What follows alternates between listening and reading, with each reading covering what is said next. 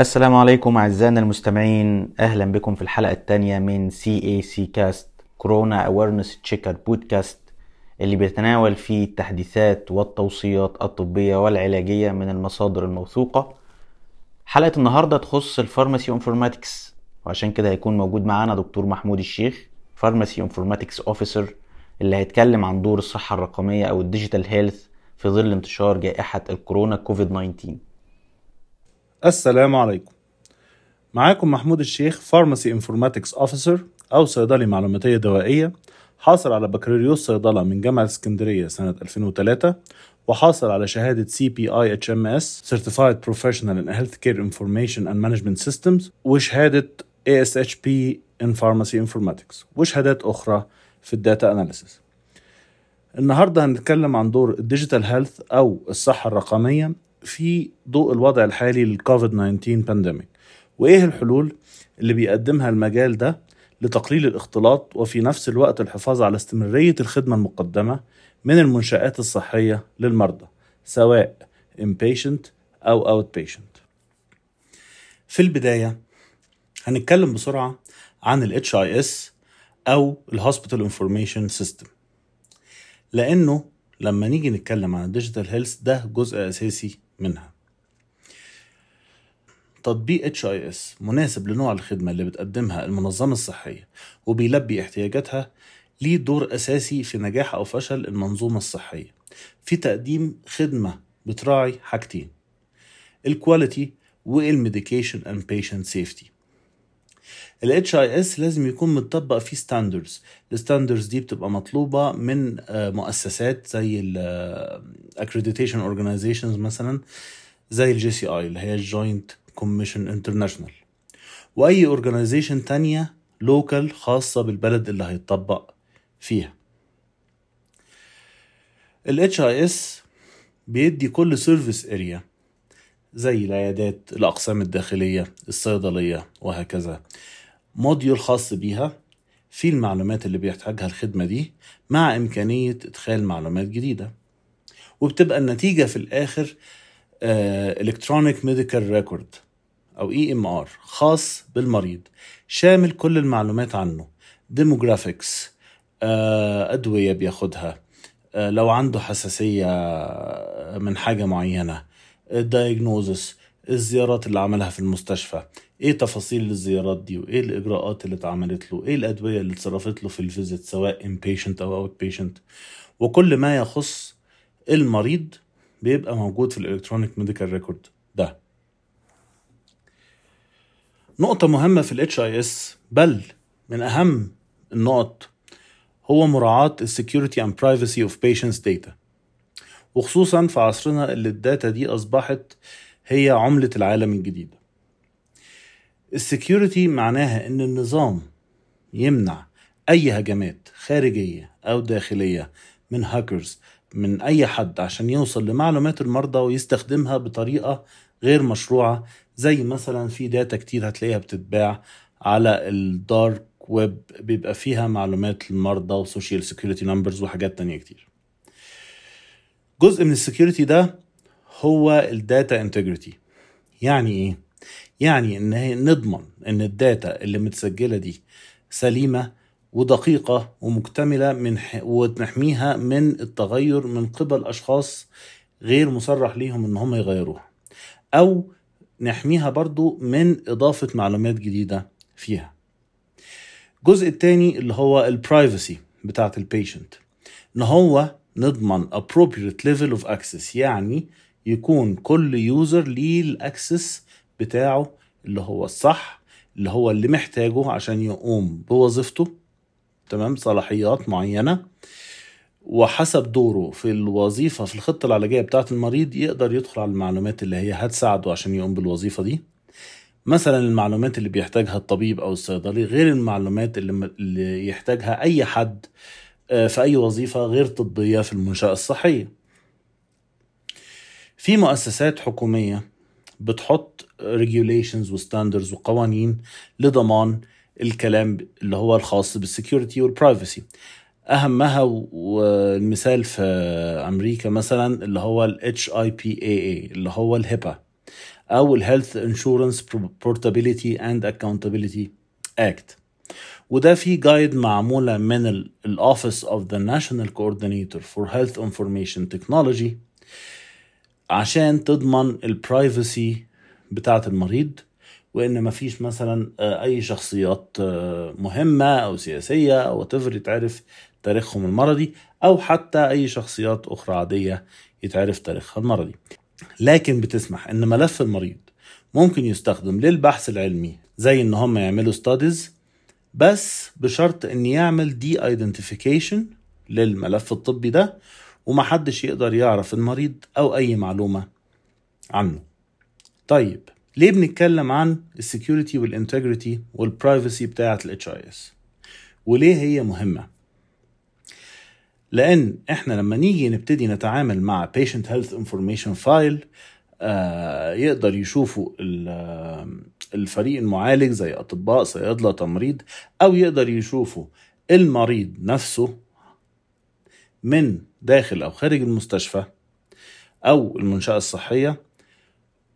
لازم نضمن الثلاث حاجات دول security و integrity و privacy وده مكون أساسي عشان نقدر نشتغل بال telemedicine طيب إيه هو ال telemedicine وإزاي ممكن يفيدنا في ضوء ال- ال pandemic بتاعت الكوفيد 19 telemedicine ببساطة إن أنت بتستخدم وسائل الاتصال اللي عندك متوفرة صوتية أو مرئية اللي هي موجودة ب- في أغلب الموبايلات دلوقتي عشان تعمل medical procedures وده بيبقى اسمها clinical telemedicine أو تعرف معلومات وتستخدمها لتشخيص أو متابعة المريض وده بيبقى اسمها informative telemedicine telemedicine ده ممكن يبقى بين الطبيب والمريض أو طبيب وطبيب آخر لو في تخصص مثلا مش موجود في منطقة آه، نائية بعيدة آه، صعب الوصول ليها وعايزين استشارة آه، طبيب أخصائي أو استشاري في مجال معين مش متوفر في المنطقة دي. ال scope بتاعنا في الحلقة هو ال informative telemedicine عشان آه، ده اللي هيساعدنا إن إحنا نقلل الزيارات للمستشفى أو لل clinics أو المنشآت الصحية عموما. ال telemedicine بدايته كانت آه، من أواخر التسعينات وأوائل الألفينات في أمثلة كتيرة جدا متطبقة زي آه، في فرنسا في ال DMP وده اختصار لما معناه بالإنجليزي shared and personalized medical record.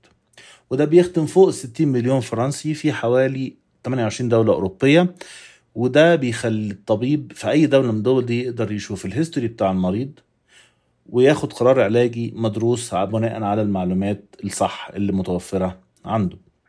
كمان آه، في ال NHS اللي هي في بريطانيا واللي مؤخرا وبسبب ال pandemic بتاعت الكوفيد 19 حصل توسع في ال telemedicine حوالي 11 شركة عملت خدمات telemedicine للمرضى التابعين لل NHS زي اي بليتو انجيج كونسلتنت اي ام اي اس اي كونسلت أو اسك ان اتش اس موضوع ال telemedicine ده ليه محورين اولا إن الطبيب يكون عنده صلاحية إنه يشوف معلومات المريض سواء آه، آه، تحاليل أشعة تاريخ الأدوية اللي هو بيستخدمها لو آه، كان بيستخدم حاجة chronic أو حاجة لفترة صغيرة وهيوقفها. وده سبب أساسي عشان آه، الاهتمام الزايد بال security وال privacy بتاعت ال data. ثانيا إن يكون في real time communication مع المريض صوت أو صوت وصورة وده في حد ذاته هيفيد المرضى ال chronic سواء عنده مشكلة بتخلي تنقله صعب أو آه، الفايدة الأكتر اللي هي الحد من الزيارات للمرضى دول للمستشفى أو المنشاه الصحية في ظل البانديميك. وللمرضى دول أكتر عرضة إن هم يجيلهم أعراض شديدة وممكن تؤدي للوفاة في حالات كتيرة للفئة دي من المرضى. لكن هنا عايز أكد بقى على نقطة مهمة إن المريض اللي هو ال chronic آه لازم يكون عمل على الأقل زيارة واحدة face to face للطبيب المعالج قبل ما يتابع عن طريق ال telemedicine وده لأن الزيارة الأولى مهمة إن عشان نشخص المريض صح ونبدأ له خطة علاجية مناسبة صحيحة. طيب بعد ما الطبيب كشف على المريض قرر إن هو يكتب له prescription أو ت renew ال prescription بتاعته هي order ال prescription دي عن طريق ال HIS واللي بدورها هتروح للصيدلية. الصيدلية هت check برضو ال history بتاع المريض وهتعمل medication order review وتحضير والخطوات اللي بتتعمل في الصيدلية.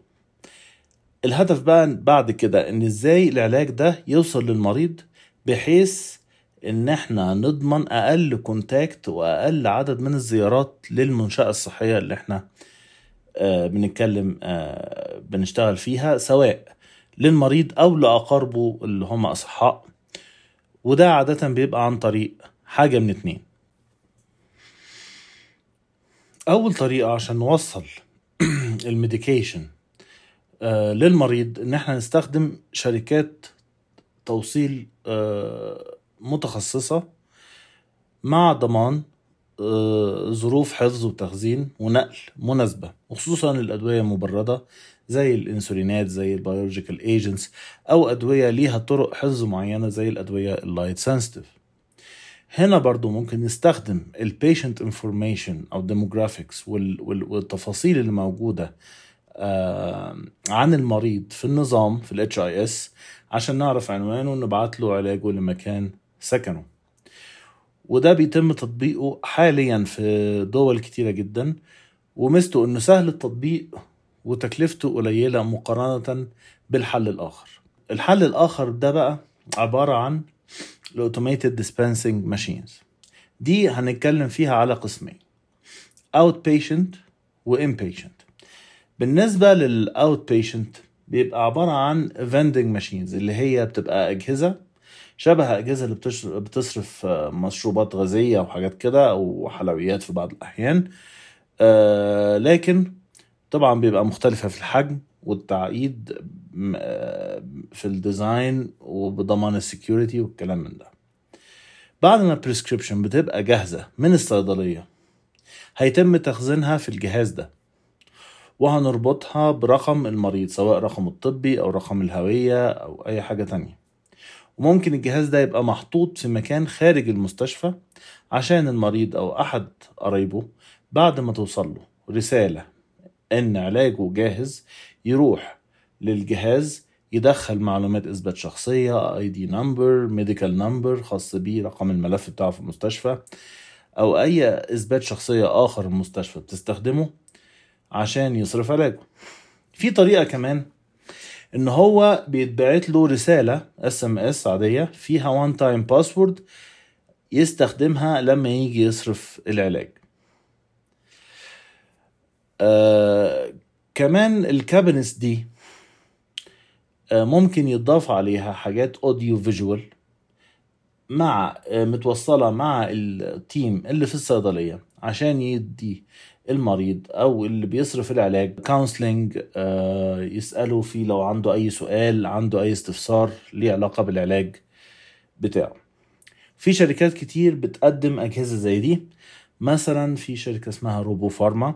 وبتقدم solution زي دي ومتطبقة في أماكن كتير. طيب بما إن إحنا لسه بنتكلم على ال outpatient يبقى هنقارن التوصيل عن طريق شركات التوصيل وال automated dispensing machines ببعض. آه، زي ما قلنا قبل كده إن التوصيل عن طريق الشركات سهل وأرخص لكن الأرخص دي ممكن تختلف من مكان لآخر. على حسب عدد المرضى المتوقع إن المنشأة الصحية دي هتخدمهم بالأسلوب ده. تاني حاجة إن ال automated dispensing machine بيقدم طريقة أفضل لل patient counseling ممكن كمان نضيف خدمة مع أي من الطريقتين دول إنه يتقدم call center لل counseling لو في أي استفسار عن علاج أو طريقة استخدامه أو أي أسئلة أخرى. طيب خلصنا ال outpatient بالنسبة لل inpatient ال automated dispensing cabinets في الأقسام أو في ال wards بتساعد إن إحنا نقلل الحاجة لفريق التمريض إن هو يروح الصيدلية ويجي ويقلل الاختلاط آه، بين الفريق الطبي وبعضه. وبيبقى متخزن فيها ال medication سواء tablets injections controlled narcotics whatever في صورة unit doses يعني جرعة واحدة لل- للمريض. زي 1 تابلت مثلا. وبتبقى مربوطة بال HIS الخاص بالمستشفى. وفي بروتوكولات للربط دي كتيرة جدا ما بس أشهرها وأهمها اللي هو ال HL 7 وده موضوع آخر. هنشوف بعد كده إن فريق التمريض يقدر ياخد جرعة واحدة خاصة بالمريض اللي هو بيديله العلاج أو بيراعيه حاليا عن طريق استخدام أو الاستعانة بال bar coding وده بيبقى جزء من ال closed loop medication administration cycle لكن ده موضوع كبير تاني. في شركات كتير بتقدم أجهزة زي دي على سبيل المثال Pyxis و Omnicell طيب إحنا كده اتكلمنا عن ال HIS وال telemedicine وإزاي نوصل العلاج للمريض. طيب هل في أمثلة عن ال rapid response لل COVID 19 pandemic وازاي ال health informatics وال digital health ممكن يدوا support في الموضوع ده. في paper منشورة بتاريخ 24 مارس عن الموضوع ده من جامعة كاليفورنيا سان دييغو. وعنوانها Rapid Response to COVID-19 Health Informatics Support for Outbreak Management in an Academic Health System. بيتكلموا فيها عن خمس آه، محاور هنناقشهم باختصار. أول واحد ال screening protocol and triage system before in personal encounter يعني هيعملوا screening قبل ما يحصل فيه encounter مع ال patient وعلى أساسه بياخدوا قرار. هل محتاج testing ولا لا؟ لازم يبقى admitted ولا بيحددوا الاكشن اللي هيتاخد بناء على المعلومات من ال phone call مع المريض ده. تاني حاجة بيبقى في algorithms بتساعد الفريق الطبي إن هو يعمل filtering للحالات. الحالات دي اللي هي ممكن يحدد الحالات اللي محتاج لها testing وبعد ال testing يقدر يعرف الحالات إيه اللي ممكن تتحط تتحط تحت مراقبة إيه اللي ممكن يبقى عزل منزلي إيه اللي ممكن لازم تدخل المستشفى وهكذا. تالت محور اللي هو تسهيل ال ordering بالنسبة لل physician عن طريق توفير order sets ال order sets دي يا إما تكون lab tests خاصة بالكوفيد 19 أو medications order sets ودي بتبقى عبارة عن تحاليل أو أدوية ممكن الطبيب ي prescribe أو يطلبها مرة واحدة بضغطة واحدة وتطلب as group وطبعا بيبقى في clinical decision support أو برامج لدعم القرار. السريري بيبقى فيها معلومات عن ال screening وال labs ومعلومات أخرى related لل medications بحيث إنها تدي guidance للفريق المعالج عن إيه اللي محتاج يعملوه. وطبعا ده عشان نكون واضحين مش بديل الخبرة الطبية لكن بتبقى أداة بتساعد الفريق الطبي. كمان في دور أساسي في المحور الرابع اللي هو دور أساسي لل reporting وال monitoring للحالات اللي admitted في المستشفى عن طريق بيبقى معمول dashboards في ال HIS ممكن يوفرها. تتابع ال progress بتاعت مثلا الكوفيد 19 cases لما admitted في المستشفى وإيه اللي حصل فيها. والمحور الخامس واللي إحنا اتكلمنا عليه عليه already اللي هو ال telemedicine وبكده إحنا ناقشنا دور ال digital health وال informatics في إنها تساعد على تقليل الاختلاط واللي بيساعد في تقليل انتشار الكوفيد 19 وبكده بنقلل الحمل على المنظومة الطبية وتقدر تدي رعاية أفضل للمرضى ال critical واللي عندهم symptoms شديدة. وكمان شفنا دور مهم في الاستجابة السريعة للمصابين بفيروس الكورونا وتحديد بالظبط إيه الخطوات اللي ممكن تتعمل بعد كده على حسب حالة المريض. موضوع أخير اللي هو المبادرات وال applications اللي معمولة عشان تعرف الناس إيه المفروض يتعمل. هل الشخص يعزل نفسه في البيت أو يتصل برقم عشان ياخد إجراء مناسب آخر؟ وده بيساهم في تقليل حالة الهلع الخوف الزائد عن الحد واللي هو غير صحي. ويحافظ على الموارد الطبية والأدوية للمرضى اللي محتاجينها فعلا ويساعد على زيادة نسبة الشفاء إن شاء الله. من البرامج أو المواقع اللي بتقدم الخدمة دي آه، في موقع آه، Apple عاملاه آه، بالتعاون مع CDC اللي هو Center for Disease Control وهيبقى ال link بتاعه موجود في المصادر وده بيبقى فيه مجموعة أسئلة. الأسئلة دي بنتيجتها بيحدد لك as a recommendation انت المفروض تعمل إيه؟ تقعد في البيت أو تتصل برقم أو تروح المستشفى أو whatever. وفي مبادرة مبادرة برضو مصرية آه، بتعتمد على ال scoring system المتبع في وزارة الصحة المصرية. برضو فيها عبارة عن أسئلة الأسئلة دي هتديك score في الآخر وعلى أساسه هتحدد أنت المفروض تعمل إيه. دي كانت حلقتنا النهاردة عن دور ال digital health and medicine في الكوفيد outbreaks وبصوا على المصادر والسلام عليكم ورحمة الله وبركاته. في نهاية الحلقة بنشكر دكتور محمود الشيخ على المعلومات القيمة دي. ما تنسوش تبصوا على المصادر في post الحلقة على الفيسبوك وتسمعوا الحلقة اللي فاتت عن رعاية مرضى الأورام لدكتور نبيل الهادي. وما تنسوش تعملوا like لصفحتنا على الفيسبوك وتشيروا البودكاست.